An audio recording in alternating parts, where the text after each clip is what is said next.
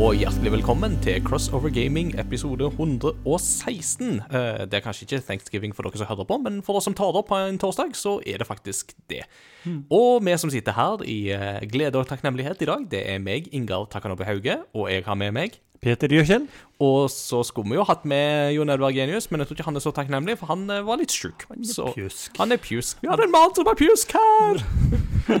Flytt deg, gravide kone.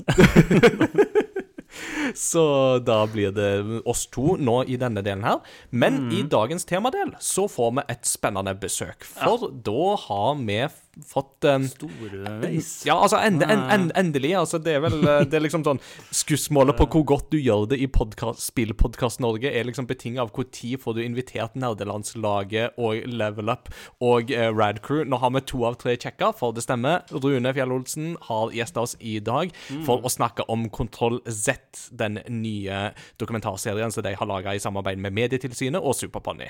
Så det er en samtale som dere kan glede dere til. Vi har allerede hatt den praten, så vi vet jo hvordan det går. God opplevelse. Utrolig trivelig fyr, fyr å prate med. Mm. Uh, kjenner jo personer. Det blir litt starstruck. uh, det, det, det må jeg jo innrømme. Men uh, samtidig så en pos veldig positiv og god opplevelse, den praten vi hatt med han. Ja. Så det Så for de som mm. liker det de hører der, eh, så må de jo hvis de ikke allerede gjør det, naturligvis sjekke ut Level Backup-podkasten som de gir ut hver fredag. Eh, Men eh, Peter, eh, føler du deg takknemlig i dag? Ja, jeg er egentlig det, altså. Det er mye har, når, en, når en liksom stopper opp og tenker litt over eh, livet, så er det utrolig mange plusser en kan juke på. Eh, så det er veldig takknemlig med eh, kone og familie og eh, Ikke jeg, da, men eh, født i en stor familie, i hvert fall. Eh, og og, og to, strengt tatt to jobber akkurat nå. Ja. Eh, så jeg må liksom velge hvilken pille jeg skal ta på nyåret uh, av Så- Neo. Så, så, så, det er liksom, du, du må liksom velge ditt meme her. Enten så er det det som er memet ditt, eller så står du der som i Star Wars episode 1. This is getting out of hand! Yes. Now two of them! Det, ja, men det Nei, så det, det er veldig veldig fint. Utrolig travel vekka. Er sånn, Jeg har blitt sånn travel fyr. Det, det er spennende. Det er ikke veldig likt meg. Nei. Eh, men det Um, ja, jo, det er ganske likt deg. Det, jeg husker deg som en veldig travel bibelskolelærer. Ja, men det var bibelskolelærer. Det, da, da var det jobben som tok mye tid. Men så på høgskolen så har jeg ettermiddagene ofte fri, eh, og da er jeg flink til å ta dem da, Ja, at jeg er hjemme og slapper av og, sånn Ja. Men denne vekka her så er det jo ikke en dag. Nei. Så nå skal det sies at på lørdag så er det massasje som er programmet, så det er ikke slitsomme ting. Og i morgen så skal vi til deg på middag, på Mm. thanksgiving-middag. Eh, så det er jo ikke sånne kjipe ting. Eh, det er veldig stas. Eh, Ja. Og, det, og det er noe annet. altså Når det er mye program, men det er de minste ting som er gøy, da er det litt annerledes. ja, det er, det er bare kjekke ting. Ja. Så det er ja, veldig, veldig fint. Mm. Jo, det, det er liksom litt det samme altså med at det har liksom, særlig forrige uke, gått liksom litt sånn slag i slag i slag i slag, men igjen da med kjekke ting, så det har jo vært veldig kjekt. Jeg har jo eh, jeg tror jeg får lov å tease det, at eh, jeg eh, pusler litt med faktisk en annen podkast òg nå. eh, som liksom er liksom litt sånn i alfa-beta-stadiet, og liksom har pusla litt der med liksom Skal de to første meg? episodene. Nei, nei, nei, nei, nei, dette blir tillegg. Er du, er du utro? Nei da, overhodet ikke. Dette er en helt annen sjanger. Det er ikke spillrelatert. Så. Men eh, Kult. når den er klar This is uh, of course where you'll hear all about it. Så, gjett, så gjett C.S. Lewis eller noe sånt. ja, eller noe sånt. Star Wars-podkaster fins det jo ingen av i Norge. Så Nei, det er det ikke. Nei, Mm. nei. nei men uh, som du sier, det er mm, med, med mye som vi jo ser i verden som kan gå galt, så eh, kjenner jeg på en takknemlighet for det som faktisk går veldig bra Mm. her i li livet. Og det er det meste. I dag skinner jo til og med sola. Et, uh, Ja, vi har jo stort sett hatt en måned nå med bare grått i Oslo. Fikk litt så- sånn småsjokk. Ja. Hva er den gule ballen på himmelen? Etter en som traff meg i trynet plutselig når jeg satt på kontoret, og det var en uvant uh, opplevelse. Ja, plutselig så får du det på ansiktet, og så bare Ja, det var, det var nesten sånn. Så det, det var veldig deilig.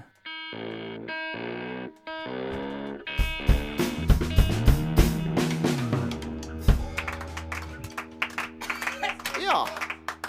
Eh, himmelsk lyd fra ungdommene. Eh, nå er det ukens kunngjøringer.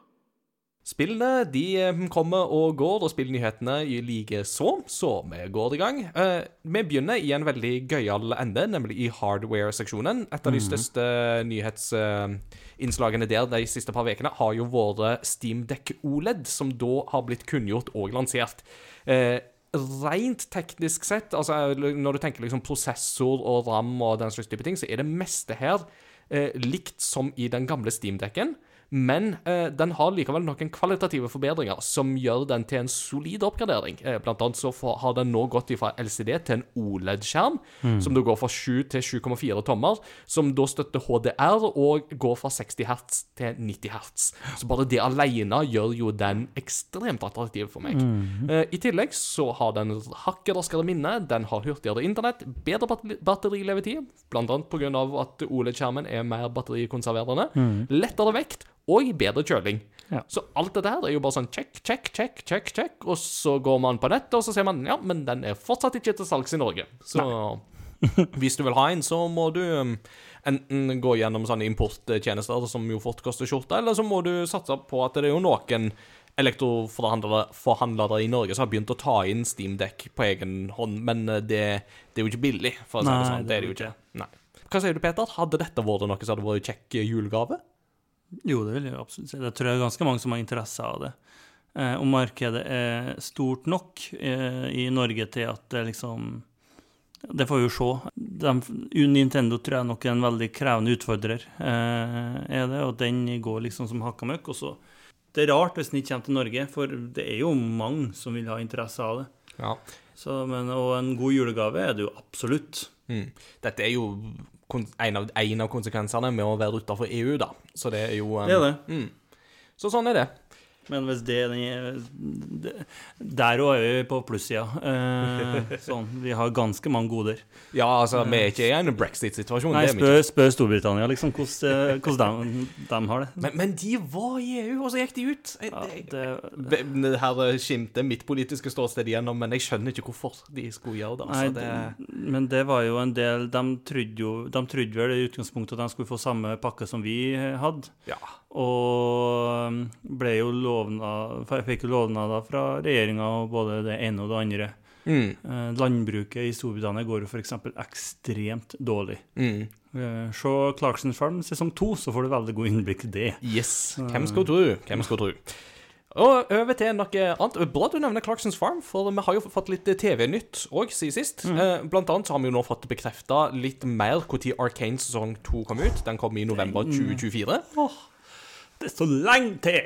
Ja, men, eh, Men det blir bra. det er bra i høstmørket til neste Ja. år. Så blir det helt perfekt. Det, sesong én er jo helt vilt god. Bananas, Fytti altså. for en serie. Åh, det er gode greier. Eh, og for de som ikke får nok av The Witcher, så er da animasjonsfilmen The Witcher Sirens of the Deep annonsert, som kommer på Netflix. Og det som er spennende her, er jo det at stemmeskuespillerne fra spillene vender tilbake. Så det vil si at det inkluderer Doug uh, Cockle som Geralt, det inkluderer Anja Chalotra som Jennifer, og Joey Beatty som Jesker eller Soleil eller Dandelion, eller hva du vil kalle han. Eh, og det er da Studio Mir som står bak den uh, produksjonen. Og jeg Det eh, ser skamlekkert ut. Ja da, dette Vi har, vi har jo bare fått en sånn kjempekort teaser, men uh, de animasjonene der er så De er så rå. mm, Studio Mir, de er Det- gode. Er, er de som lagde dere andre serier? Den animasjonsfilmen ja, som jeg kom tror for de et lagde den andre år animasjonsfilmen, og så lurer jeg på om det er de som har laga Cyberpunk-serien, men det er jeg litt usikker. Så Ikke sant. Nei, det er det ikke, for det er jo Studio Trigger. Var det. Ok. Ja, så glem det. Ja, den ser, Eh, serien trygger jo litt, akkurat den. Ja. og apropos uh, serier på Netflix, så kommer det jo faktisk en Pokémon-serie på Netflix. Ja. Nemlig en stop motion-serie. Pokémon Concierge, som har premiere 28.12. Å, herlighet, så koselig det ser ut. Det er sånn superkoselig stop motion-serie. Passer perfekt. Psyduck har en sentral rolle i traileren, og det passer veldig godt. Psyduck er en Eh, Har du mye vondt i hodet, så kan du identifisere deg med Psyduck, for han har konstant vondt i hodet. ja, Det er jo hans law. det, det er jo det. det. Jeg var jo på Jeg har jo fortsatt lyst til å kjøpe T-skjorte med han på, med, med eh, AMD IT Technician. Ja. Eh, Så, Peter, er jo spørsmålet Vi er jo veldig glad i The Last of Us. jo. Og vi er veldig glad i The Last of Us Part 2. Eh, ja, det er bra, det. Ja. Irriterende bra. Ja, Er du klar for å spille The Last of Us Part 2 remastered på PlayStation 5 i januar? Det er jeg ikke helt sikker på. Nei.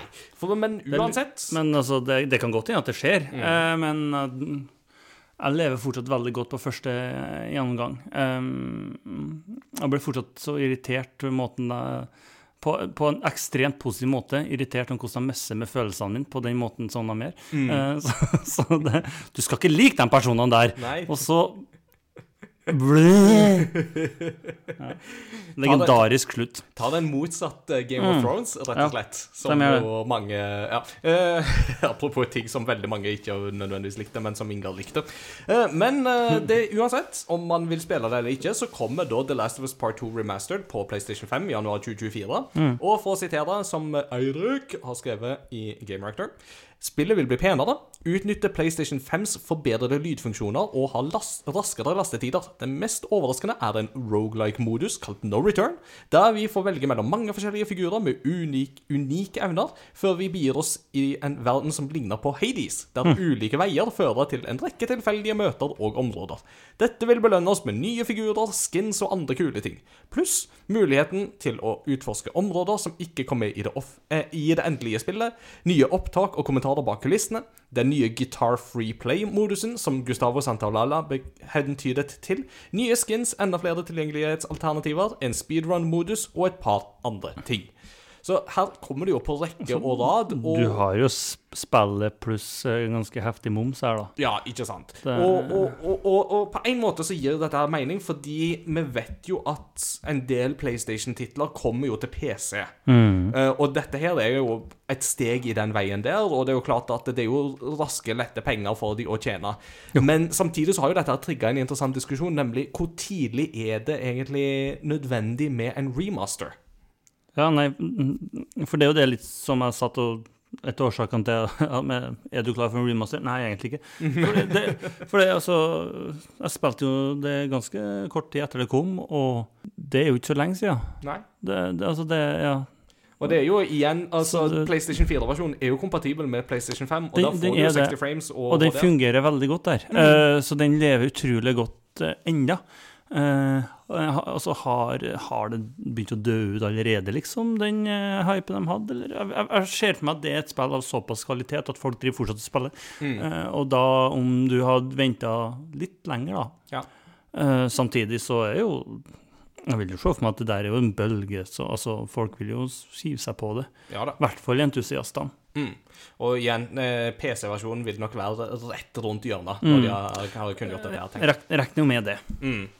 Og så har vi jo de siste ukene har det jo vært veldig mange oppsigelser i spillbransjen. Det har vært mange nedkjæringer. Det har vært eh, tydelig at det er jo ting som skjæres ned her og der. Embracer Group snakket jo nylig om at de totalt har sagt opp 900 ansatte. Oh. Så det er jo en god del av staben. Men i en tid der veldig mange utviklere skjærer ned eller sier opp, så går det japanske studioet Atlas motsatt vei. Eh, det er jo, Atlas er jo de som annet gir ut Persona-serien. eh, og de gir da sine ansatte 15% lønnsøkning. og dette gjør de da annet for å trekke til seg flere utenlandske utviklere. Jeg lurer på hva, hva, de hva, hva de gjør som ingen andre har gjør eller får til, eller har de fryktelig dårlig lønn i utgangspunktet, eller er det ja.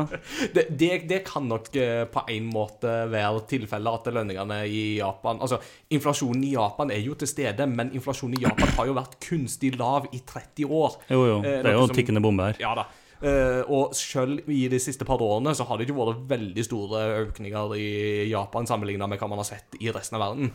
Uh, så det er jo litt sånne faktorer inne i bildet òg, men samtidig så ja, De har jo blant annet ikke drevet på og kjøpt opp masse andre spillestudio, f.eks., og drevet på og ekspandert inn i terreng som de kanskje ikke burde gjort, men konsentrert seg om å liksom gjøre det de, det de skal gjøre, nemlig å lage spill. Så, og, og personer har jo vært en dundrende suksess Og for du dem, så kjære vene, altså det er jo ikke det at de ikke har lyktes. Nei. Så det Nei, men det er kult, da. Mm, veldig kult. Så fikk vi jo en gledelig nyhet i vår discord. Tusen takk til Andreas som eh, delte denne nyheten. Vi har jo kanskje Norges største fan av Euphoria The Saga, eller det Hebireke, i, eh, eh, i vår programlederstab, godeste Mats Jakob. Eh, og da må vi jo selvsagt nevne at det Hebireke 2 er kunngjort og kommer til Switch i 2024. I hvert fall i Japan. Men det er jo godt mulig at dette her får en, en internasjonal lansering. Eh, Og grafikken der har en veldig søt stil, der alt er laga av filt.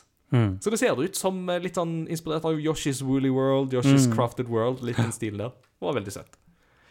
Så har det vært en Indie World Direct-sending fra Nintendo. Her eh, var en 20 minutter lang sending som litt sånn så som så, så jeg skal prøve å lede oss litt eh, kjapt igjennom her.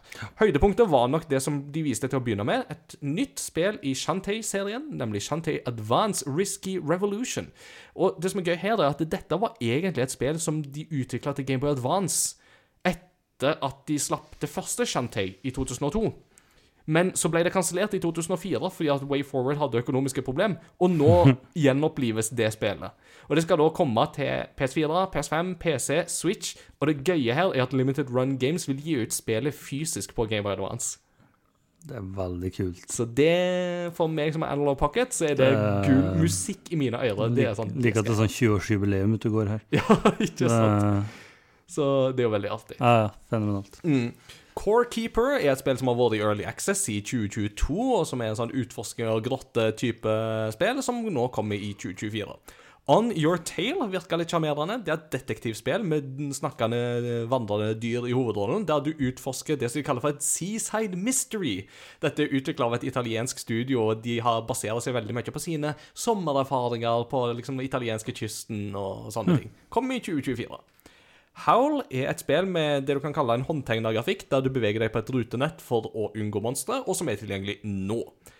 The Star Named EOS er et fotografispill som kommer våren 2024. Og så var det et spill som, eh, der de promoterte det med 'Unleash your backpack to unlock your full potential'. Eh, eh, backpack Hero, en roguelike med utforsking og bybygging, der organisering av ryggsekken din er viktig, som er tilgjengelig nå. Og dette, Peter, dette er jo rett i bane for deg som akkurat har spilt Resident Evil 4 og rota og knota med kofferten der. Det, altså, jeg hadde, jeg hadde fascinerende lite problem med kofferten. Nei. Så det, det, akkurat det gikk fint. Men jeg blir veldig, synes det er veldig festlig hvis det faktisk har noe å si hvordan du legger ting nedi, uh, med tanke på jeg vet ikke, jeg får det ut eller, ja. Så det, det, det er Nytt, men realistisk antagelig blir det jo, da. Ja. Eh, Dette er for de som liker sånn her micromanagement på det, det nivået der. Absolutt. Blade Chimera er et 2D-actionspill satt til en cyberpunk-prega årsaker som har litt sånn hint av Castlevania og litt sånn gamle 2D Batman-spill, syns jeg. Virka kult, må jeg si. Likte stilen på det. Kommer våren 2024. A Highland Song det er et todimensjonalt spill der du utforsker det vakre, men røffe skotske høylandet. Det òg var veldig pent å se på. 5.12.2023. Moonstone Island er en dungeon crawling life sim-kortspill. Ja, det, that's a mouthful. Med 100 tilfeldig genererte øyer og 60 søte monstre som skal samles. Det er utvikla av Raw Fury og hadde litt sånn Minish Cap-aktig grafikk eh, i stilen, syns jeg. Våren 2024 kommer det. Death Trick Double Blind er et detektivspill satt til et sirkus. Kommer 2024. De som liker Outer Wilds, får da Archaeologist Edition, som kommer til Switch 7.12.2023. Og så var det en kavalkade med litt sånn forskjellige spill og datoer. Eh, Planet of Lana kommer våren 2024. Enjoy the Diner er ute nå. Heavenly Bodies kommer februar 2024. The Gecko Gods kommer våren 2024. Passepartout 2 The Lost Artist er ute nå. Urban Myth Dissolution Center 2024. Og Brain, Braid Anniversary Edition kommer da 30. april 2024. Så dette var liksom litt sånne ting som kom, ble bare kunngjort på rekke og rad på Ja. slutten der.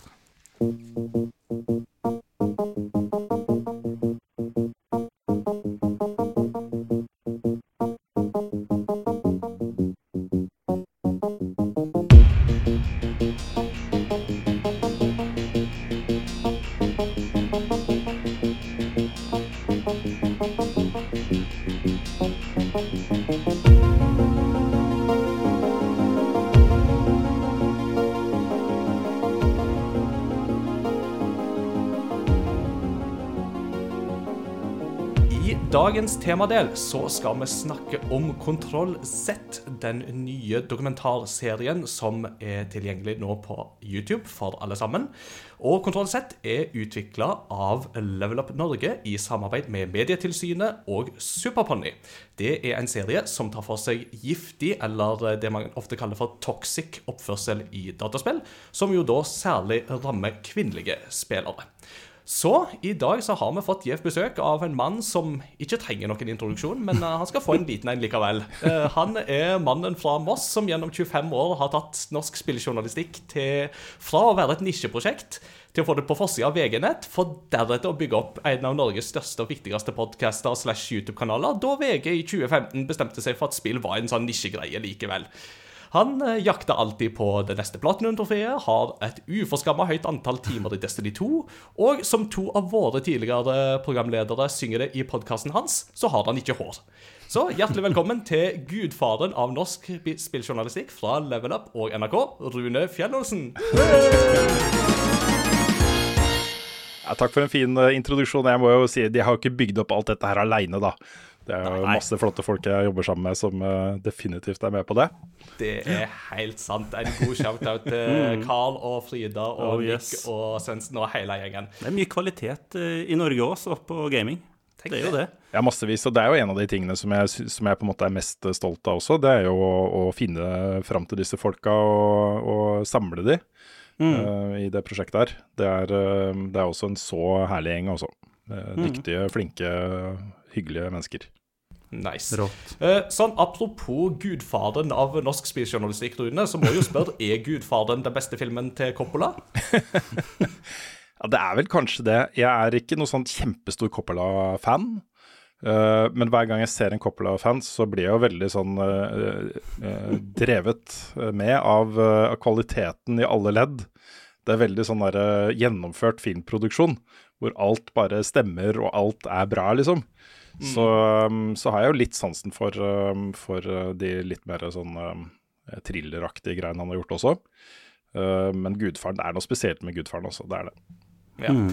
Det er For deg som da ikke skjønner koblinga, så er jo Rune òg en uh, filmentusiast som jo blant annet har delt sine topp ti filmer nå i sommer, så sjekk gjerne den ut på Level Up Norge sin YouTube-kanal. Mm. Ja.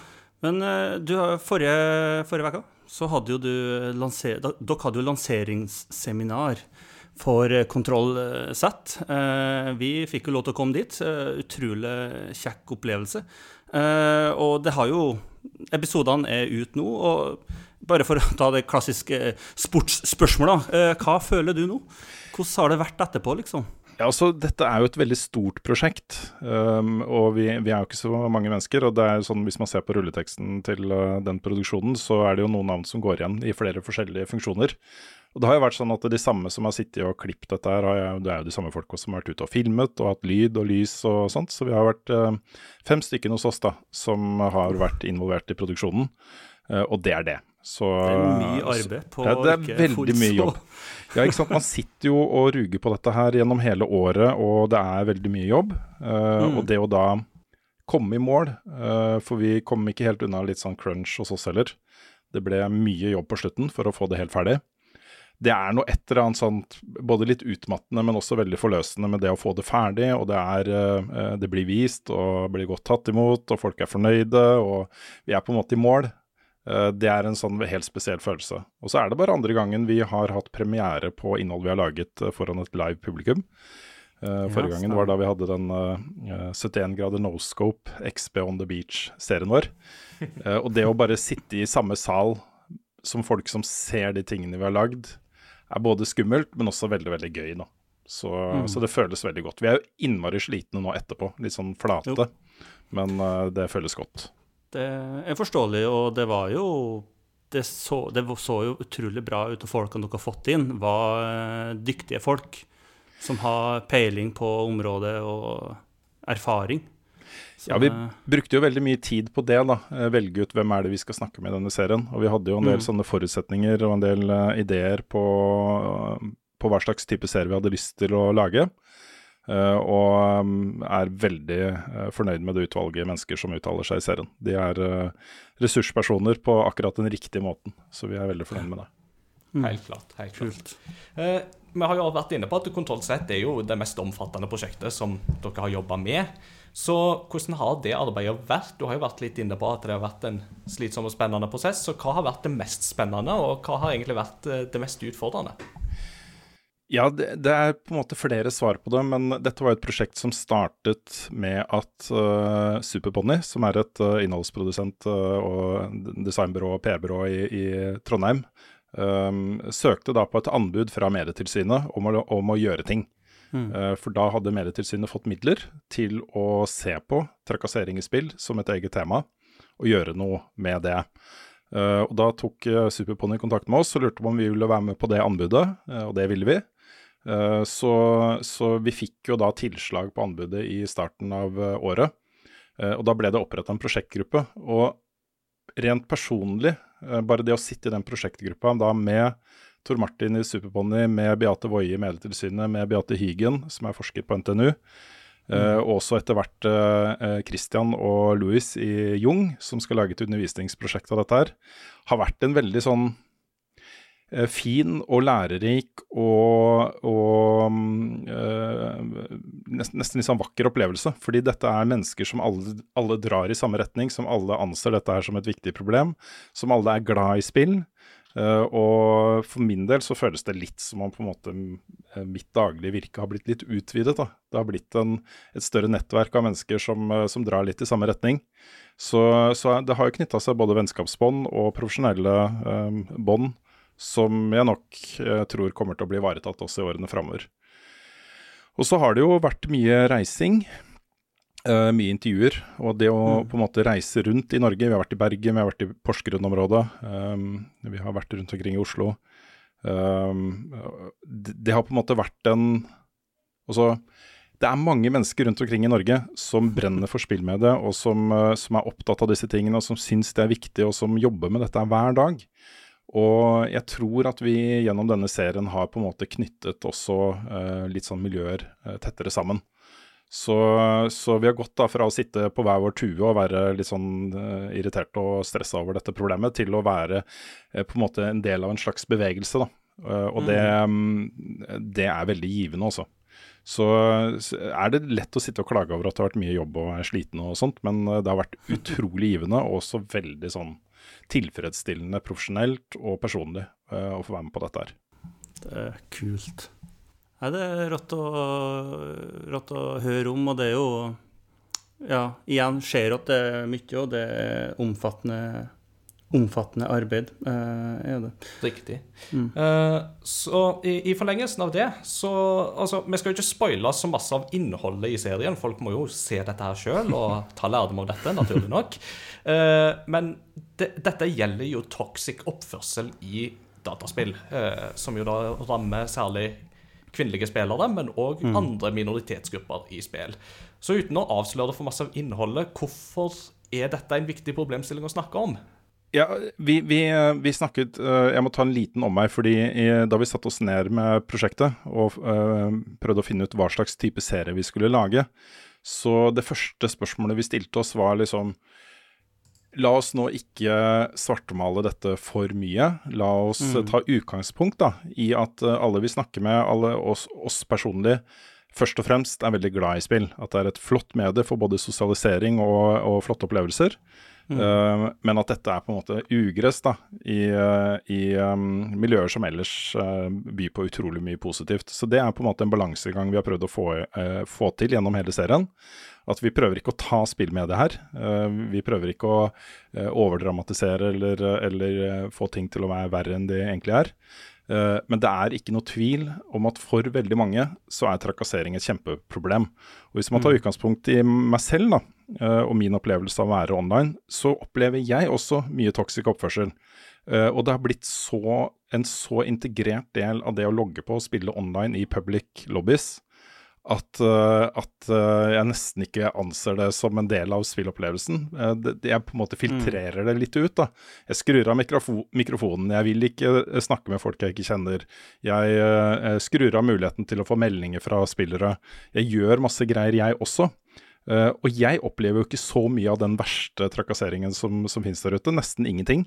Eh, mens, eh, mens vi vet jo da gjennom undersøkelser og personlige opplevelser eh, og historier at eh, som du nevner, eh, særlig eh, kvinner og minoriteter opplever jo veldig mye som er retta på at de er kvinner, eller at de har en annen hudfarge enn hvit, eller at de har en annen legning enn straight, Mm. osv. Og, så og mye av dette er ikke kanskje sånn straffbart alvorlig, men, men det er det også.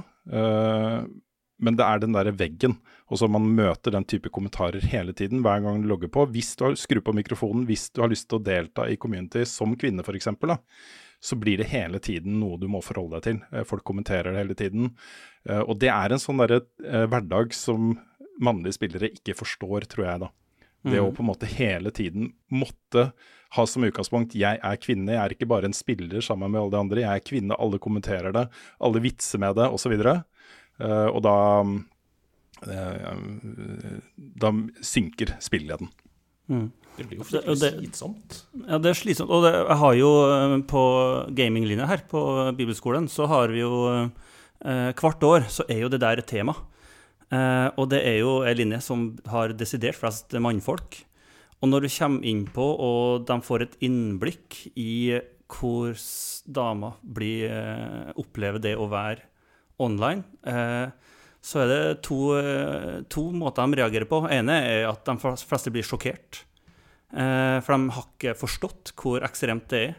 Og det andre er at det er jo mange av dem som og kanskje har vært, hatt en tendens til å være litt ja, stygg på nettet eh, og online. Og når, når de skjønner, og du ser liksom det går, det går opp et, ly, noe, et lys for dem, da, eh, så blir de fleste litt sånn sjokkert. For det er ukjent farvann, og det er så ekstremt mye mer enn det som, eh, det, som, eh, det som vi tror, da. Og det er Ja, og da er det liksom Bruke å stille dem spørsmål. Altså, når du, når du går online, er du den samme ty typen som du er når du er ute med venner, når du er med mor og far og familie, eller legger du igjen den personen i døra, og så går du online, og så eh, blir du en sånn annen en? Og det er ganske mange som, er, som tar en runde med seg sjøl og sånn hm, Jeg har faktisk hatt perioder i livet hvor, hvor jeg ikke enten ikke har vært helt good, eller opplevd at andre folk har blitt hetsa, og så sitter de bare der. Eh, Og så skjønner ikke omfanget av det. Ja, det er noen linker inn til, til andre deler av livet her også, som, eh, som på en måte blir litt forsterka med en gang man er anonym og man er på nett og det er en del av kulturen. Eh, Men dette her har jo en direkte link til, eh, til et, um, eh, en utfordring som kvinner møter i, i hverdagen. Eh, Og det er sånn f.eks. den uønska eh, oppmerksomheten fra andre menn. Mm. Eh, som eh, de, også Man sitter der med headsetet sitt og hører på podkasten sin eller musikken sin, og så kommer det noen og vil ha kontakt med deg, og uh, du er ikke interessert i å snakke med den personen, og så uh, kommer det med en gang, da, den der, eh, at denne personen blir sint, ikke sant, og så Ja, ja. aggressiv eh, i språkbruken og sånt, fordi jeg er jo en nice guy, hvorfor skal du liksom avvise meg? Uh, og det er litt den samme greia som skjer på nett også. Eh, Det er mye av den oppmerksomheten som kvinner da får i spill, hvor avsenderen bare tenker dette er bare hyggelig, at en kvinne får eh, positiv oppmerksomhet fra en, eh, en mann, liksom, og så blir det avvist, og så kommer de der glosene mm, med en gang, da. Uh, og menn trenger litt sånn oppdragelse på det. At, uh, at det, dette er en såpass stor forskjell mellom kjønnene i hvordan man blir behandla på, at du, du må utvise en del empati her. Du må sette deg inn i hvordan det er å konstant få den type oppmerksomhet bare fordi du er det kjønnet du er. Uh, og det fins ikke noe um, det finnes ikke noe uh, versjon av det som vi menn får. Uh, det er ikke like sterkt. Det er ikke like omfattende. Og, og det må bare menn forstå. Og det er et eller annet med den empatien der som, som det ligger mye arbeid å gjøre. Altså. Ja, og du ser jo altså Og det er jo ikke bare i gaming heller, men kvinnelige dommere har jo vært noe som har vært mye snakk om det siste året. Hvor eh, hvis du er en kvinnelig dommer, den, det språkbruket foreldre har, eller eh, da spesielt mannfolk, da, som står på tribunen, eller spillere Altså, det er grovt, eh, er det. Og det er jo mye lettere online. For da er det så anonymt. Du sitter og ser på Du sitter og spiller, og er ingen Altså, det er ja, ikke noen muligheter. Det, mm. til å liksom Du møter ikke en person ansikt til ansikt med det mm. første, og så har det på en måte bare det, Ja, bare for å ta videre det, det neste spørsmålet som er satt opp her, det er jo eh, en del kritiske røster som vil si at det er bare sånn det er. Mm. Uh, personlig så tenker jeg jo at det er litt sånn, blir samme kategori som 'ikke for å gjøre frekk, men du er dum', som et kjempebra argument. Men hva, hva, svarer man på det? Hvordan går man fram når, ja, når man treffer på sånne dem der, da? Dette er jo litt sånn sammensatt og har uh, lang og dyp uh, historie. Dette har jo røtter inn i hvor spillkulturen kom fra, særlig da uh, når man snakker om online communities og det muligheten da, til å snakke med hverandre på nett og sånne ting. det etablerte seg ganske raskt at dette er en sånn guttegreie. Dette er, ja. dette er en arena for menn og gutter. og det er en dårlig start. Ja, tonen ble litt sånn satt deretter. Uh, ja. Og det, det, som konsekvensen av det uh, var jo mye at uh, selv om da kanskje utviklere og utgivere satt der og så at vet du hva, det communityet vårt er ikke så veldig hyggelig også, så var det allikevel kundene deres. Det var de som ga fra seg pengene sine. Det var sånn de tjente mm. penger. og vi ser jo det i dag også. Hvis en utvikler eller utgiver innfører da tiltak i spillene sine som er enten for å øke inkludering, eller for å minke trakassering, eller for å ta en del sånne type grep, da, så får du jo motstand. Eh, mm. De blir review-bomba på, på, Steam og på Metacritic. Eh, de får massevis av sinte kommentarer. De, de får trusler fra, mm. fra eh, fansen, liksom. Enkelte ansatte blir blinka ut og doksa, og det er ikke måte på. Eh, de, motreaksjonen mot å liksom pirke i dette mannsdomenet er så sterkt at jeg mistenker at det er mye av grunnen til at dette har fått uh, fortsette å holde på så lenge. Uh, men nå har det jo skjedd ganske mye de siste årene, og jeg er helt sikker på at det kommer til å skje mye mer. Eh, for det man også ser nå, da, er jo at vi sitter jo da med en ganske stor målgruppe for disse spillene, som har lyst til å spille dem. De er veldig interesserte. Eh, de har eh, hatt positive opplevelser også, men velger å la være å bruke pengene sine på det fordi community er for toxic. Og da er det kroner og øre da også, og da er det kanskje lettere da, å gjøre den type tiltak som må til. Eh, men dette er jo en sånn derre Vi er på vei over i en verden hvor uh, virtuelle liv og sosialt samvær på nett blir viktigere for folk. Mm, uh, og da kommer nok uh, på en måte disse reglene som skal gjelde i disse verdenene, til å følge etter. Det er ikke noe Det er ikke sånn at man, alt er lov bare man er på nett og man er anonym bak en avatar eller et mm -hmm. brukernavn. det gjør like vondt å bli mobba på nett som det er å bli det i virkeligheten. Mm. Det er ganske basic uh, sånn egentlig, uh, når du liksom tenker litt ekstra på det. Men ja. Spill det eksisterer jo ikke i et vakuum. Uh, er det sånn at toxic oppførsel i spill bare gjenspeiler et generelt problem i samfunnet, eller er det med på å forsterke det problemet som er? Det er jo si, altså, litt videre fra forrige spørsmål, hvor du har dem som Eh, bombe på hvis at eh, du pirker borti eh, det mannsdomenet her, men ja. Det er vel et litt sånn høna og egget-problem dette her. Ja det, det. ja, ja, det er jo det. Men også, det er jo ikke noe tvil om at det er um, forskjellsbehandling på kjønnene i virkeligheten også. Jo, uh, eller rasisme, eller homofobi. Mm. Uh, alle disse problemene eksisterer jo i virkeligheten også. Uh, det som er forskjellen, er at det, jeg føler det kanskje blir tatt mer seriøst i virkeligheten. Det er flere som slenger seg på og, og eh, gir beskjed om at det ikke er greit, eh, enn det er på nett. Og Det handler jo mye om forståelse av eh, bl.a. av betydningen av disse verdenene. Hvor, hvor, mye de betyr for spillerne og for folk generelt. Mm. Uh, og dette her med at det oppleves som en på en måte litt mer separat del fra hverdagen til folk enn det virkeligheten er. da. Um, og det, sånn er jo ikke realiteten for de som er veldig glad i spill. Uh, dette er like viktig som, uh, som alt annet sosialt samvær, egentlig. Uh, men du skal ikke mange kommentarer inn i et kommentarfelt på internett som kvinne, da, og som våger å uttale seg om noe kontroversielt, før du får den type kommentarer også der, da. Så, så dette er jo et generelt samfunnsproblem. Um, Eh, jeg tenker at det arbeidet vi gjør her nå, med serien og, og generelt, da, eh, er egentlig bare med på å løfte det eh, som en del av den diskusjonen. Det er, dette er ikke isolert fra resten av verden. Mm. Helt klart. Nå som serien har blitt publisert, og den er ute, dere får puste litt med magen og lent dere litt tilbake og stort sett lese fine kommentarer, etter det jeg har sett på YouTube iallfall. Et par sånne slengere kommer jo der òg. Ja, den beste, beste, av de er bare cringe. De som ja. bare kommenterer cringe.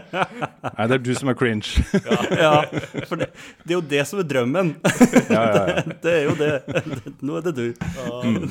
Så, uh, men uh, nå som dere har fått den ut, og dere har liksom fått senka skuldrene litt, er det noe som dere kunne tenke dere har gjort annerledes? Er det noe mer stoff dere ville lagt til hvis dere hadde hatt mer tid og ressurser? Uh, er det kanskje noen ideer til en sesong to her? Uh,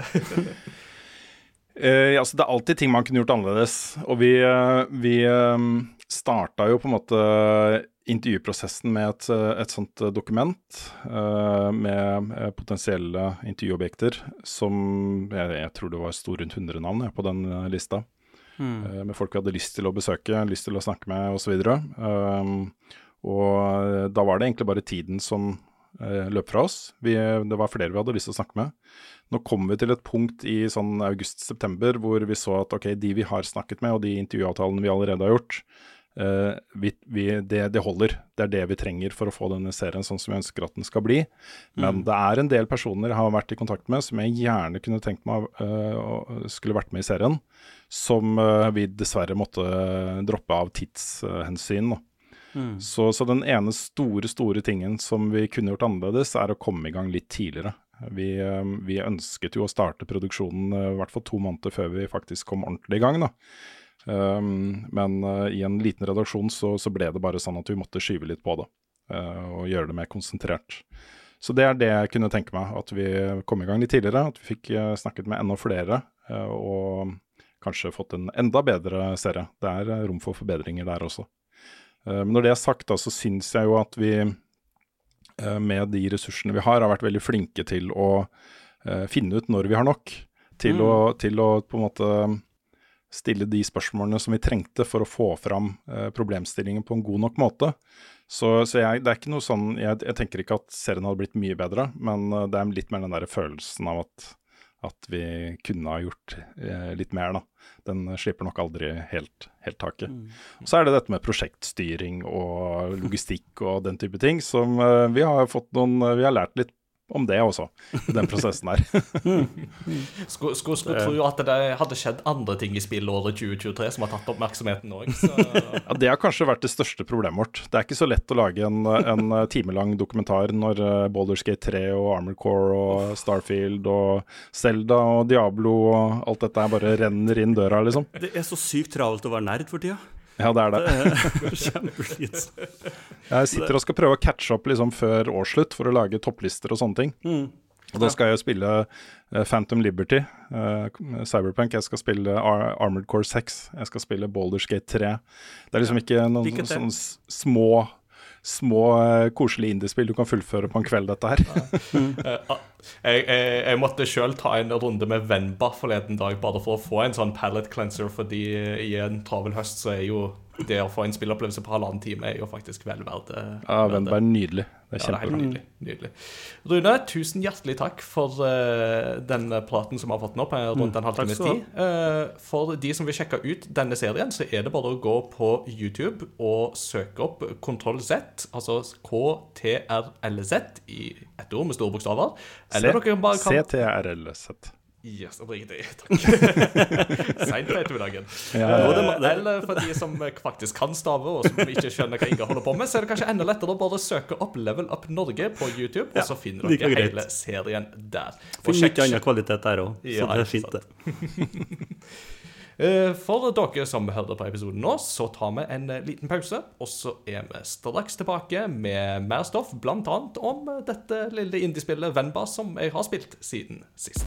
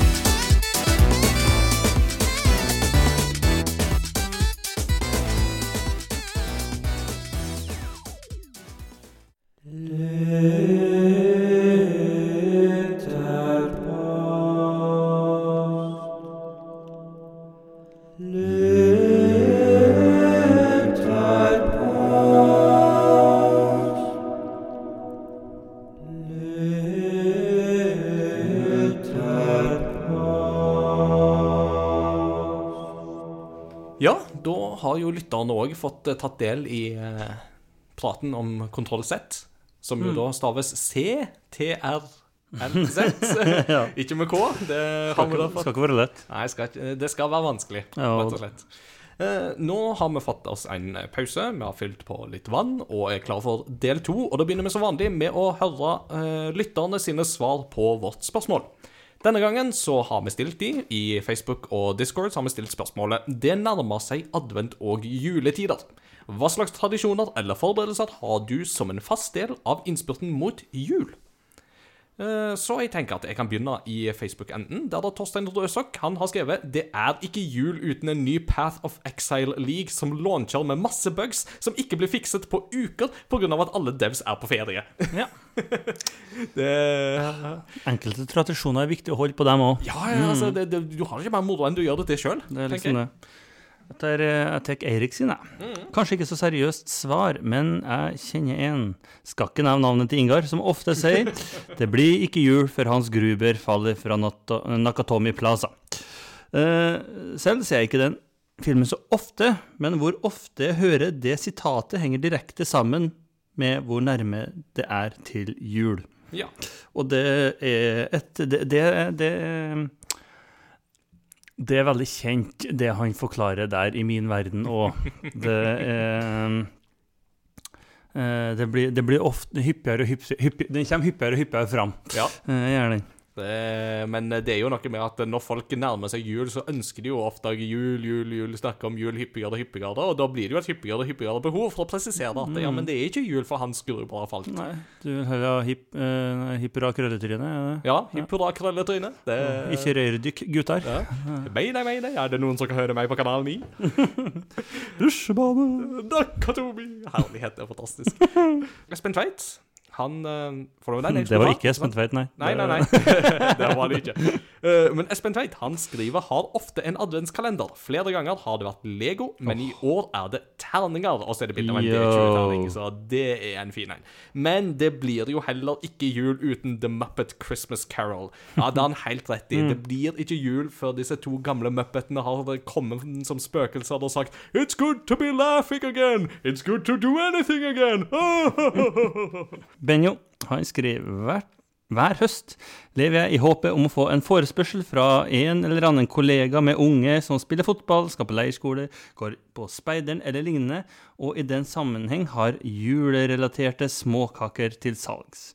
Noen baker sju slag selv, men jeg synes nå mormors doble sjokoladeflaren fra Nordflak er den beste julekaka. De er så skummelt gode, og de har jo de nå av og til i kantina her på jobb. Du kjenner liksom diabetesen legge seg bak navlen. Du gjør jo det. det A moment on your lips, a lifetime on your hips, Ja. som uh, Raj ville sagt i uh, Big Bang Theory. Ja, ja. Erik, Erik har jo også kommentert under. Den er veldig god. Ja, ja, ja. Det, det, pluss pluss én på den. Pluss én på den, helt klart. Men uh, du da, Peter. Er det noe liksom i adventsfasen som på en måte hører med sånn i forhold til inntrappinga mot jul? Nei, altså for min del, det er mye av det vanlige. Um, er det med liksom julebrus og klementiner og mandariner? Klementiner. Det er klementiner. Norge har ikke solgt mandariner siden 1930. uh, Mikroappelsiner og, eh, eh, og sånt. Og så har jo um, eh, Die Hard er jo en som ofte skjer i jula sjøl, og da Mhm. ofte i, lag med deg. Ja. Spørs om jeg får tid til det i år, da. Med, Ja, jeg liksom, får se. Kan jo at jeg er litt eh, på andre sida av jordkloden akkurat da. Du, du får, uh, du får uh, laste den inn på Det- uh, mobilen Ja. uh, sånn før du setter deg på flyet, tenker jeg. vi, vi, tar det på, vi streamer på Discord. Det fint, det. Nei, eh, så, det, så det er mye av det det går i. En tradisjon som jeg har Det er vanskelig å ha her på Fjellhaug, da, men en som, jeg, som vi hadde når vi var små, eh, det var at eh, i eh, perioden inn mot jul så hadde vi ofte mye enklere pålegg. Eh, på bordet. Ja. Eh, sånn at når jula kom, Ja. da kom liksom alt fram igjen. Mm. Eh, og da jeg, husker på hvor sinnssykt digg Altså lille julaften, når du liksom fikk skikkelig sånn uh, måltid. Ja. Med mye godt kjøttpålegg, og så det var skinka, og det var ikke måte på. Ja. Så smakte jo det så mye bedre Ja. når du har hatt det enklere. Eh, Så det var en som jeg var egentlig glad i når jeg var liten. Her er lunsjen altfor god, så jeg får ikke det. Jeg er altfor alt jeg svak, altfor glad i godteri altfor glad i brus. Ja. Eh, Så det, det, det er en sånn ting som Å, det var fint da. Mm. Men, Det gjør ikke nå. Men, men du er inne på noe veldig sentralt der, fordi at advent er jo den lille fastetid. Sånn, Ja, for det er jo det. Ja, Tradisjonelt sett så er det jo det det er på en måte markert som. Og i, altså, i dagens moderne kontekst så har det jo gått i stikk motsatt retning, for at uh, adventen blir jo den tida der du skal ete deg så mett på alt som har med jul å gjøre, at Mm. når julaften kommer, så er du jo kjempelei av alt. Eh, men, men jeg har Ja. liksom gått Jeg har funnet litt tilbake til den gleden der med å faktisk praktisere advent som den lille faste. Eh, og synes jo absolutt at det på en måte gjør, som du sier, ikke sant? at da smaker det du får i jula, så mye bedre. Eh, og så er det jo lov å huske da i den prosessen der, selvsagt, at eh, at uh, søndagene er ikke fastedager, så på søndagene så har du jo lov å Så tar du deg litt sjokolade og eh, kanskje en brus eller noe sånt. Frotsorama. Ja, jeg trenger ikke flotsorama. Det kan du spare til andre juledag når du skal Ah. til svigermormor og svigermorfar. Da er det flotsorama, men Det skal jeg ikke. eh, Nei. Uh, men sånn av andre ting, så Da, jeg, da tror jeg faktisk jeg er The Shire. Ja, heldiggrisen. jeg hadde det mat der òg, vet du.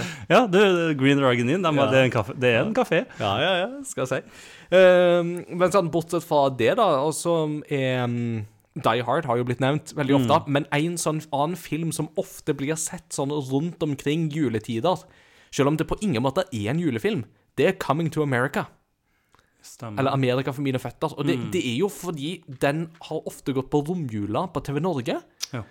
Og den foregår på vinterstid. Og derfor så har det blitt en slags holdt på å si, julefilm eller vinterfilm eller Men det er jo, altså, det er jo like som Harry Potter. Ja, ja. ja men, Og det, er jo- ja. Harry Potter har jo hva er det, 13 minutter med litt jul. Ja, men til gjengjeld så er det, veld, men til gjengjeld så er det veldig jul òg, for Chris Columbus er jo så er glad i jul. De ser ja. jo det i nesten alle hans filmer. Ja, ja. Mrs. Doubtfire er jo mer unntaket der enn regelen. ja ikke sant. Så nei da, det, det blir ikke jul før Hans Gruber har falt ifra Nakatomi Plaza, men det, blir, og, eh, men det blir heller ikke jul før uh, James Earl Jones har kommet inn på McDowells og sagt I'm King Jaffi Jaffa, ruler of Zamunda. I've come for my son Akeem. Og så putter du det inn i Star Wars, så blir det veldig festlig. Yes.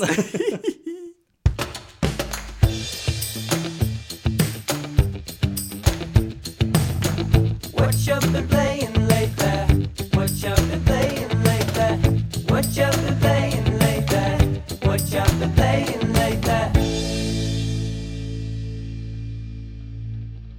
Aha.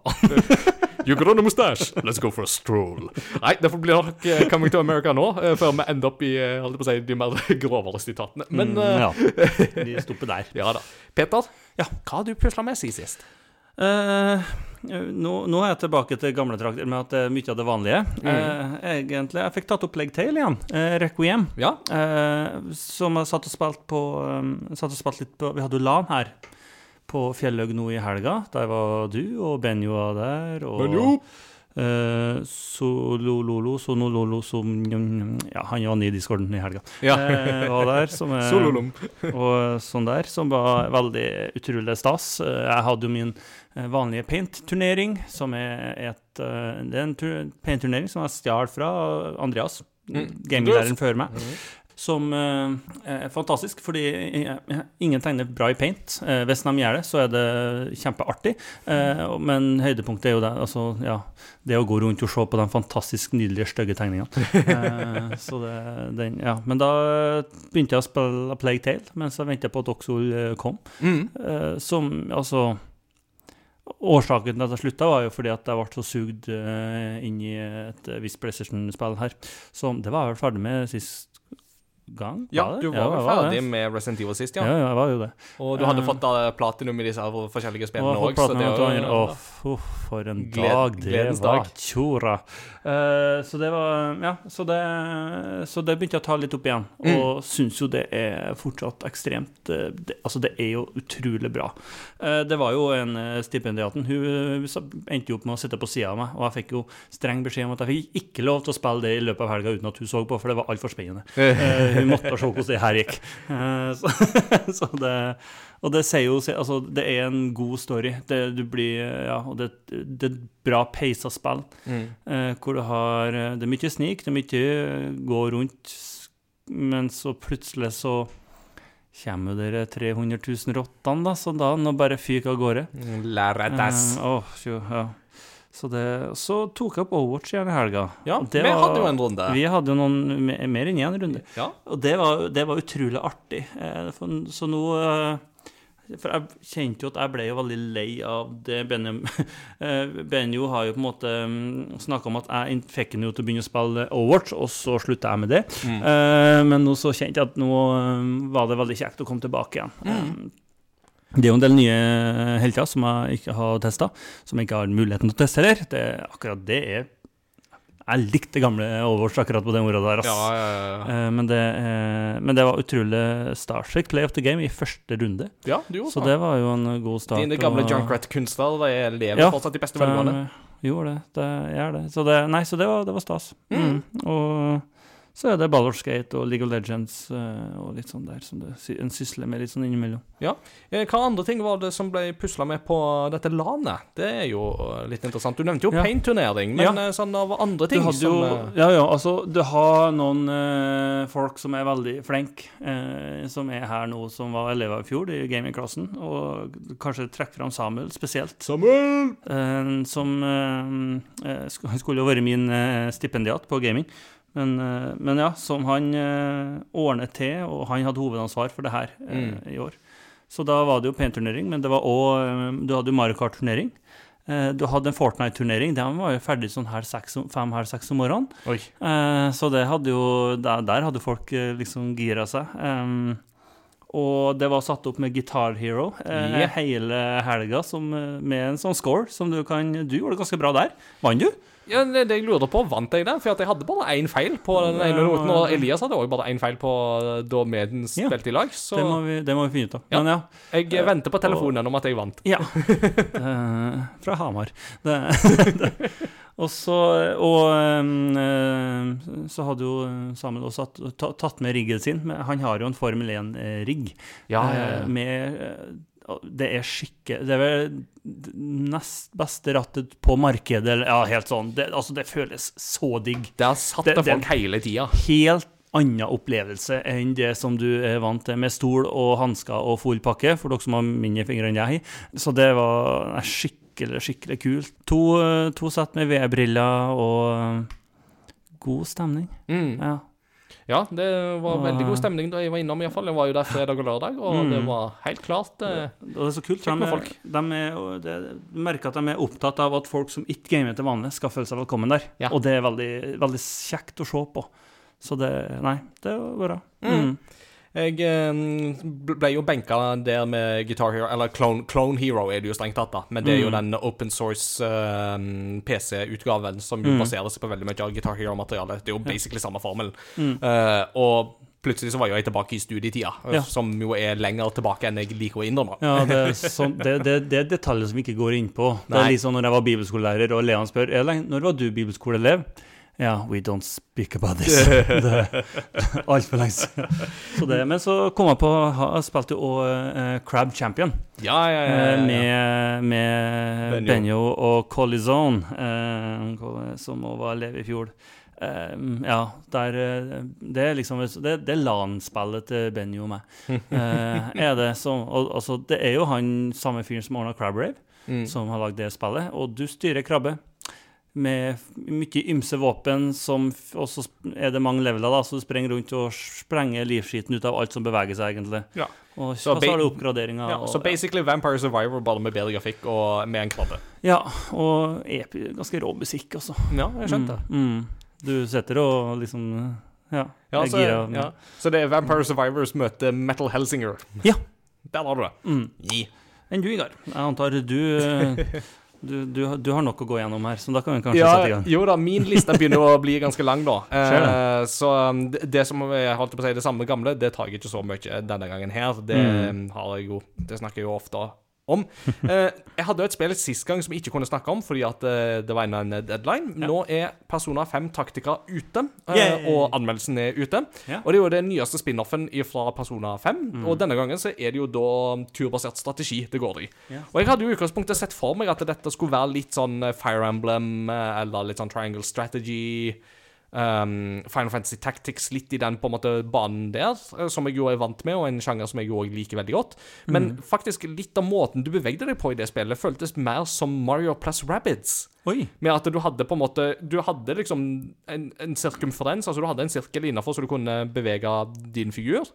Eh, og så lenge du bevegde figuren innenfor den sirkelen, så beveger du det ganske fritt. Ikke liksom sånn stakkato hakkete på et rutenett. Altså Rutenettet er der, du bare ser det ikke. Ja. Og så handler det veldig mye om å ta dekning.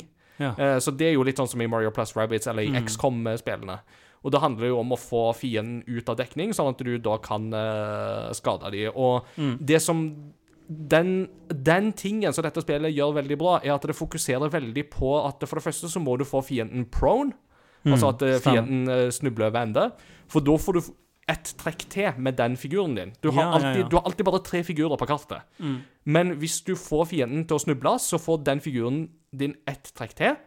Eh, og da kan Du du har én action.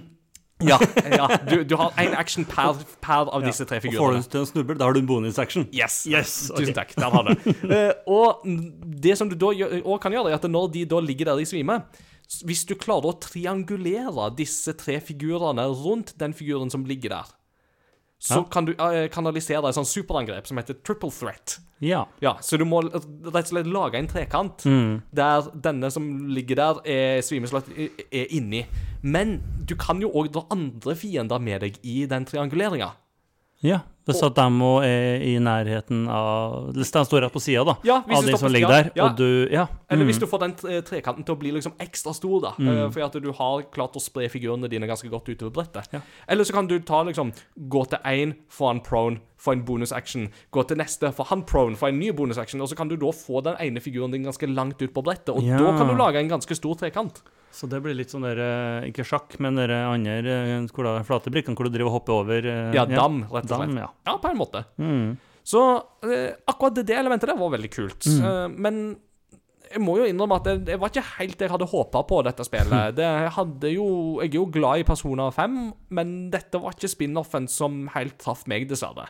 Eh, historien blir litt for enkel og litt for tynn. Mm. Eh, det grafiske uttrykket likte jeg dessverre ikke. Eh, de går for en veldig sånn chibi-look, altså med at de ser veldig små ut, disse figurene.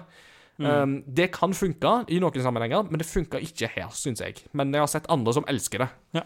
Eh, Smaker behag, da. Veldig smak og behag. Ja. Og så syns jeg ikke dybden var til stede. Det er veldig mye de samme fiendene. Brettene blir veldig pregløse. Mm. Det er veldig mye like brett hele tida, særlig mot slutten. Og veldig viktige personer er jo musikken. Jeg følte ikke at musikken kom med noen store, gode, nye, juicy godbiter her. Altså Selv Persona 5 Strikers, som er en sånn Dynasty Warriors-klone, som jeg vet at mange ikke likte, det likte jeg veldig godt, for der fikk du mye bra musikk. Ja, ikke sant. Og en relativt god historie, vil jeg si. Eller Mm, mm. underholdende nok. Så ikke helt fulltreffer, dessverre. Men um, det har blitt litt andre ting. Øhm, jeg, eh, i, I denne travle spillhøsten Altså Nå er vi jo der at jeg prøver å ta igjen mest mulig fra spillhøsten, rett og slett. ja. Fordi at jeg har blitt ferdig med Final Fantasy 16, så da kan jeg liksom endelig begynne på de andre tingene. Mm. oh, yes. Så, yes. så eh, jeg har spilt Venba, som er et eh, lite, koselig indiespill på halvannen time der du lager mat. Ja. Eh, det handler om Snakka du om det sist gang, eller? Nei, vi har bare snakka om det Ja, Vi mm. snakket om det med Rune i del én. Ja, vet du, i intervjuet. det var på mandag. Det var på mandag for oss. Jeg har tre natt, så hjernen min ikke på, så da glemmer jeg sånt.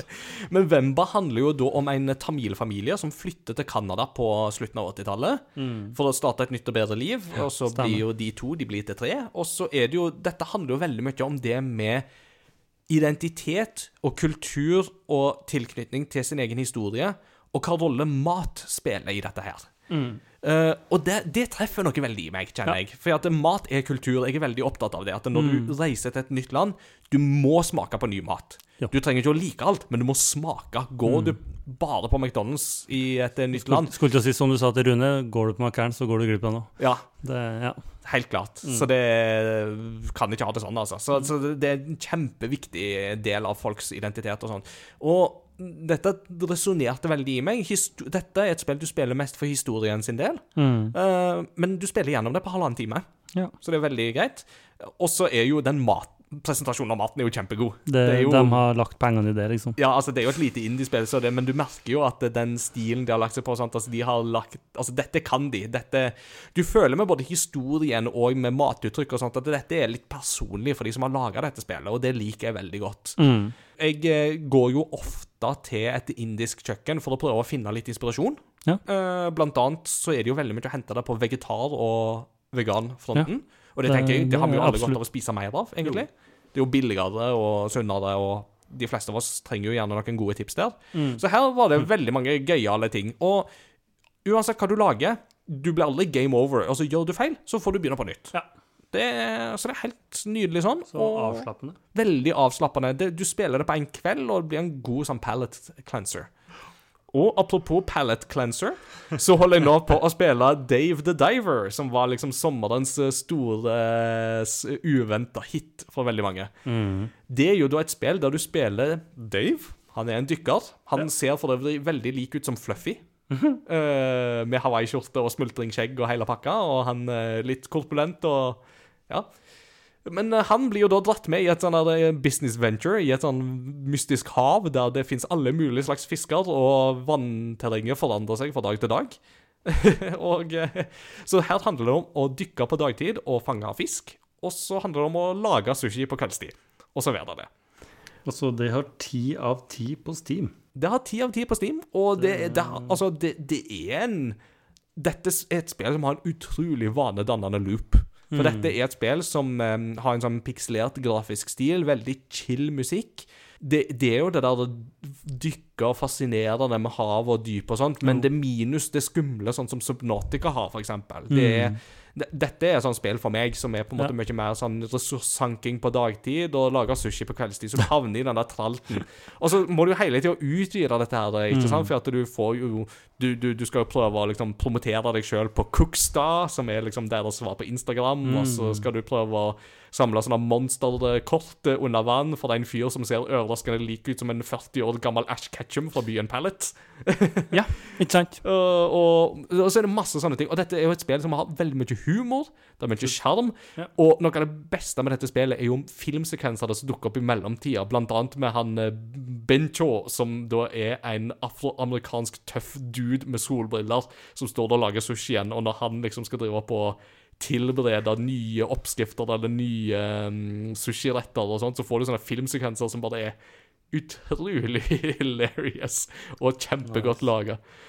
Den, jeg, jeg er fortsatt litt usikker på hvor høyt opp det når, for at det er Altså, jo, jo lenger ut du kommer, jo mer av det samme blir det jo på en måte, egentlig. Ja. Men det du får, er til tider og er samtidig også veldig avslappende og veldig kjekt. Det, det er gøyalt. Eh, Litt usikker på hvor det havner, men det er ikke en usannsynlig kandidat på topp 10-lista for i år. Altså, det kan godt hende at det bumpes opp der. Det gjenstår å se. City Skylines 2 spilte jeg jo på LAN. Jeg hadde jo egentlig en plan om å begynne på Alan Wake 2. Kjøpte det til Xbox og fant ut at nei, dette er et spill der Xbox-versjonen faktisk ikke er PC-kompatibel, for den er jo på Epic Games. Yep. Så da ble det City Skylines 2 i stedet. Så ble det. Ja, og so far so good, altså. Dette er Det er jo et spill som har vært diskutert mye i uh, discorden vår. Ja, for vi har jo aktive spillere, og det er sikkert flere av de som er bedre kvalifisert til å si noe om dette spillet enn det jeg er. Eh, Vi burde ta en episode på det med noen er- ja, det må vi jo få til. Men den store nyheten her det er jo rundkjøringer. Det har spillet, så good to go. De har vel tatt til seg med veldig mange av modsa fra første spillet. Ja da, og her, Og det altså, er nice. Mm, og her merker du store kvalitetsforbedringer. Altså, Det er Mm. om det. det. For å ta det negative først, dette er jo et spill som krever veldig mye av PC-en din for å kjøre. Mm. Så jeg får det ikke til å se så pent ut som jeg skulle ønske. Selv med 3070 Ti-kort, som burde dra et spill som dette tålelig greit, så er det vanskelig å få det til å se liksom så pent ut som det er på en del av skjermbildene og sånt fra offisielt. Mm. Men det er veldig gøy. Altså, du, du har gode verktøy. Jeg syns spillet er bedre på tutorials. Opplæringa er bedre her. Uh, og en ting som er veldig gøy, er jo det at eh, etter hvert som byen din vokser, så oppnår du forskjellige tiers, altså du oppnår liksom ulike nivåer, og da får du poeng som du da kan veksle inn på forskjellige felt. Ok. Så det er liksom OK, nå har du liksom fem poeng. Skal du bruke de poengene til å utvikle liksom mer elektrisitet? Skal du utvikle mer eh, transport? Skal du utvikle vann? Er det park, Parks and Recreation? Uh, det er jo alltid en uh, gøyal bit. I think all parks should be privatized, som Ron Swanson ville sagt det. Og, ja, og, og det er litt sånn gøy, da, for da kan du dra på customize byen din i en mye større grad. Uh, som Nice. føles veldig tilfredsstillende. Mm. Og så er jo kartet er jo vesentlig større. Altså, det er jo Jeg vet ikke, er det 16 ganger så store kart som i forgjengeren? Altså, jeg vet ikke, men det er iallfall utrolig store byer du kan bygge deg i dette her. Hvis du er heldig med trafikken fra begynnelsen av, Ja, og da har du arbeidet for å fikse. ja ikke sant? Så, Men det er rått, da. Ja da. Så jeg har egentlig bare spilt mens jeg var på LAN, um, Mm. og grunnen til det er jo det spillet som har tatt mest tid, og det er jo da Marvels Spiderman 2. Og eh, du nevnte jo på dette med Var det du som nevnte på dette her med at det å spille Jo, for du fikk jo ikke spille en, A Plague Tale uten at eh, stipendiaten satt ved siden av og fulgte med. Stemmer det. Jeg hadde det samme med Spiderman 2 med kona, og det er veldig kjekt. Det er veldig Eh, for da jeg skulle begynne på dette her på søndag, så spurte hun bare sånn Og hva skal du spille nå? Nei, jeg tenkte jeg skulle begynne på Spiderman 2. Og kan jeg sitte og se på mens jeg driver med håndarbeid? «Eh, Ja, ja, selvsagt kan du det. Og så satte hun seg ned og drev med håndarbeid. Og jeg tror hun fulgte mer med på Spiderman enn hun fulgte med på håndarbeidet. Og nå får jeg ikke lov å spille storyen i Spiderman 2 uten at hun følger med.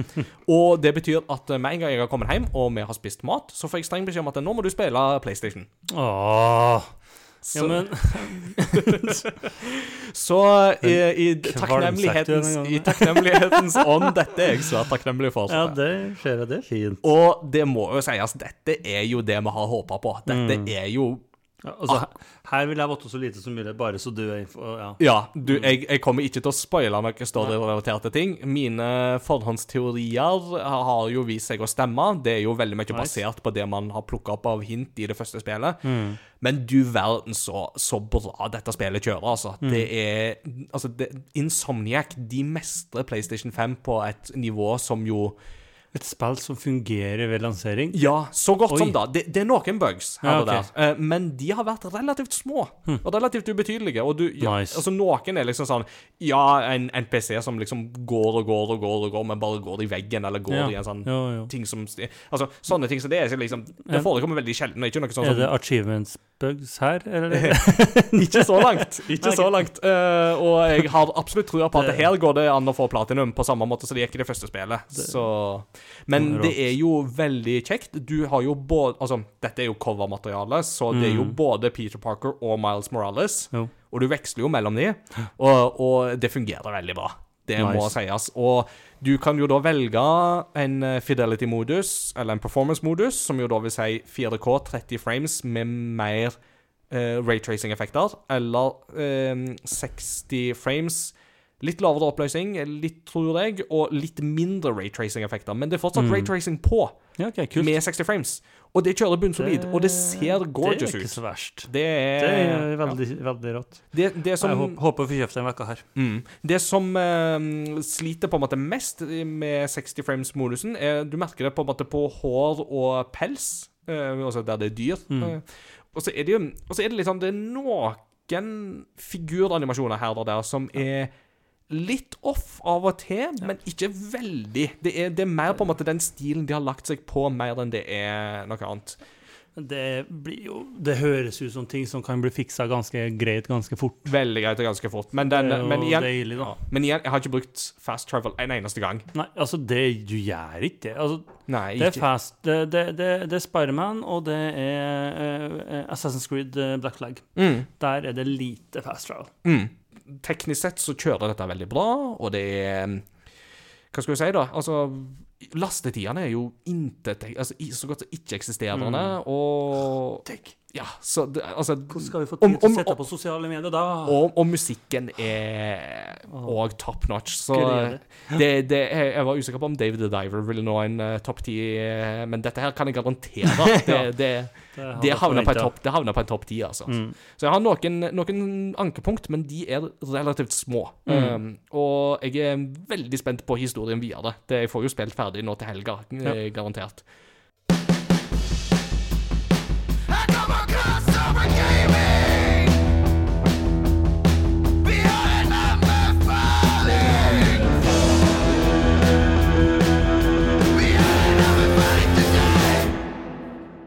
I anbefalingssegmentet i dag så har jeg bare tatt meg friheten til å kuppe og bare si at Ikke her skal vi, dette kjører vi så det enkelt. I dag er det kontroll Z som blir anbefalt, folkens.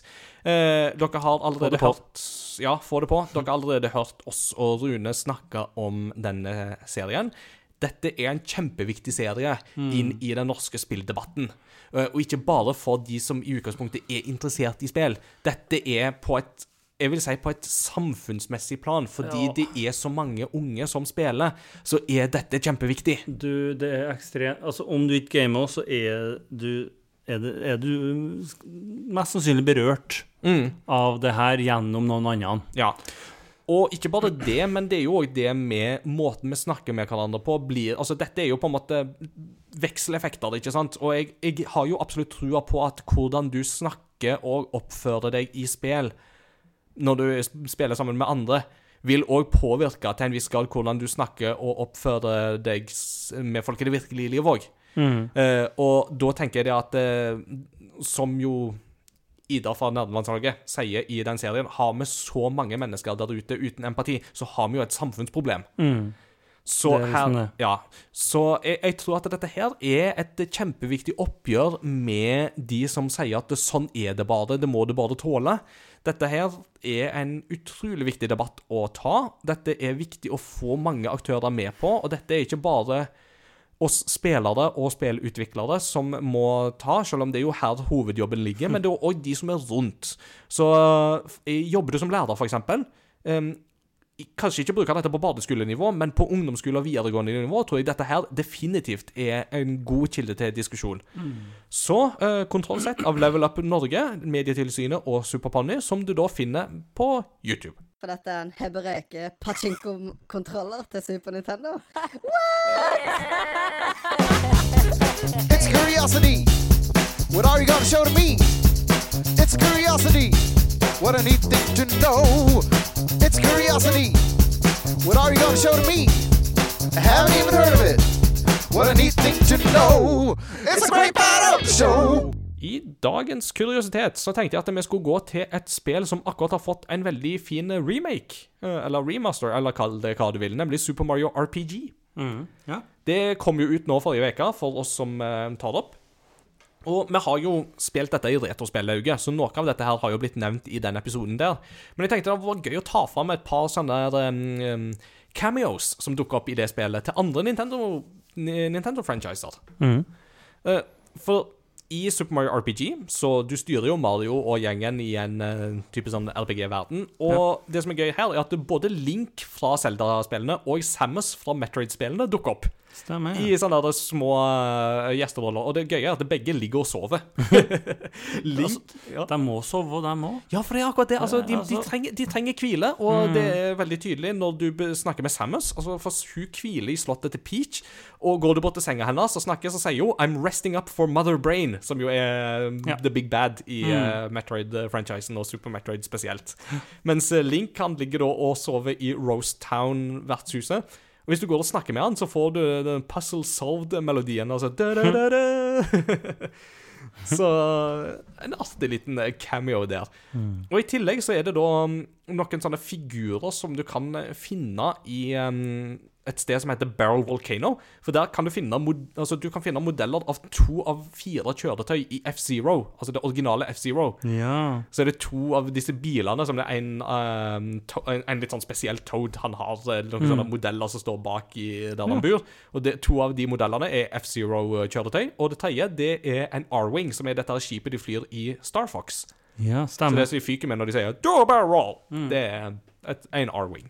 Så det dukka opp i Super Mario RPG. Veldig artig. Kult. Og da er vi jo Da har vi gjennom. til veis ende i denne episoden òg, gitt. Og Postludium skal vi jo òg avslutte med. Så Peter, hva vil du eh, gi Da, oss i dag? I dag skal vi ha et nydelig stykke. Um, skal vi, når jeg kommer på studium, så er det ofte basert på der jeg er. Uh, Det er ikke feil, det. Da, nei, på absolutt ikke. Uh, og da skal vi til Plague Tale Requiem. Ja, å Eh, der er det mye god musikk. Å ja, å Eh. Og da så tenkte jeg at vi, altså vi tar main team. Altså Ja. bare, den, den setter liksom et godt utgangspunkt for å eh, forske videre. Det er jo eh, en som heter eh, Olivier Deriviere. Ja, Derivier. Derivier, Derivier. Olivier Derivier. Oh, oh, oh. Derivier. mhm. eh, som har komponert det, Mm. det her stykket. Veldig festlig at du har jo en, en, en del av det stykket her er jo litt likhetstrekk til Witcher-musikken. Mm. Eh, som er, det syns jeg òg er veldig festlig, når jeg, når jeg liksom sitter og uh, hører på det ut Polen og Frankrike i skjønn harmoni. Ja, Eh, men det er ja, skikkelig, skikkelig deilig eh, liksom fransk eh, musikk med vakker koring i bakgrunnen der, og ja. Det er det er nydelig. Ja, hele det soundtracket der er så nydelig. Mm. Det, det, det for, for å gi en bonusanbefaling, det fins en livekonsert som de hadde etter lanseringen av dette oi. spillet, der de spiller et utdrag av eh, diverse av eh, den musikken, der, blant annet med et helt kor som synger det dette åpningstemaet. Diverse av derivere. Eh, Diverse av det ja. Og igjen, altså, varmt anbefalt. Dette er så emosjonell, vakker musikk, altså. Og uh, for de som vil sjekke ut bredden til Olivier Altså, for han har range. Uh, han har jo òg komponert musikken til Streets of Rage 4. Der er det veldig mye variert. Og han har musikken til Remember Me, som var et spill fra det franske Don't Nod, de som lagde Life is Strange. Eh, og altså, Don't, eh, Remember Me-spelet var nå så som så, men den musikken der, den er helt Det er sånn utrolig sånn tekno-remix-type Ja. ting som er sånn Det blir litt fjernt fra det her. utrolig langt fra dette her. Men igjen, Ja. altså, den det, er så bra. Og, det, Men- og alle de finner du på Spotify. Steikinga, du er så nerd noen ganger at du bare kan komme opp med Ja, men altså, men, men, men altså Olivier altså, Delivier har jeg veldig sansen for, mm. så det ja. Jeg forstår jo det. altså, Jeg har jo sansen for navn når jeg, når jeg sitter og spiller det. mm, Så det, det er jo ikke noe med det. Nei da. Så, det, ja, så nå skal dere få en utrolig deilig avslutning på eh, en, en, en god episode. Mm. Så Og vi sa det sjøl, det var en god episode. Så you heard it here first. Yes. Så hvis du likte den gode episoden som du hørte nå, så tips gjerne andre folk om oss. Du finner denne podkasten der du hadde podkaster. Eh, Og du finner også lenker bare ved å gå til crossovergaming.no. Der finner du òg lenker til vår Facebook- og Discord-side, der du jo annet kan bli med i vår Discord-gruppa, der det er veldig mye positiv, god aktivitet. Kjempekjekt med den bredden av folk som vi får, og allikevel så er alle venner og har en høflig og respektfull tone med hverandre. Det er Som Kontroll Z har vist oss, det er ingen garanti for at det er sånn. Så jeg men vi har Jeg liker veldig Det er, en veldig, et veldig godt nivå der. Ja, så vi må nesten ha en shout-out til lytterne. Ja, absolutt. Helt på sin plass. Mm. Vi er tilbake om to ukers tid. Vi snakkes i neste korsvei. Ha det bra!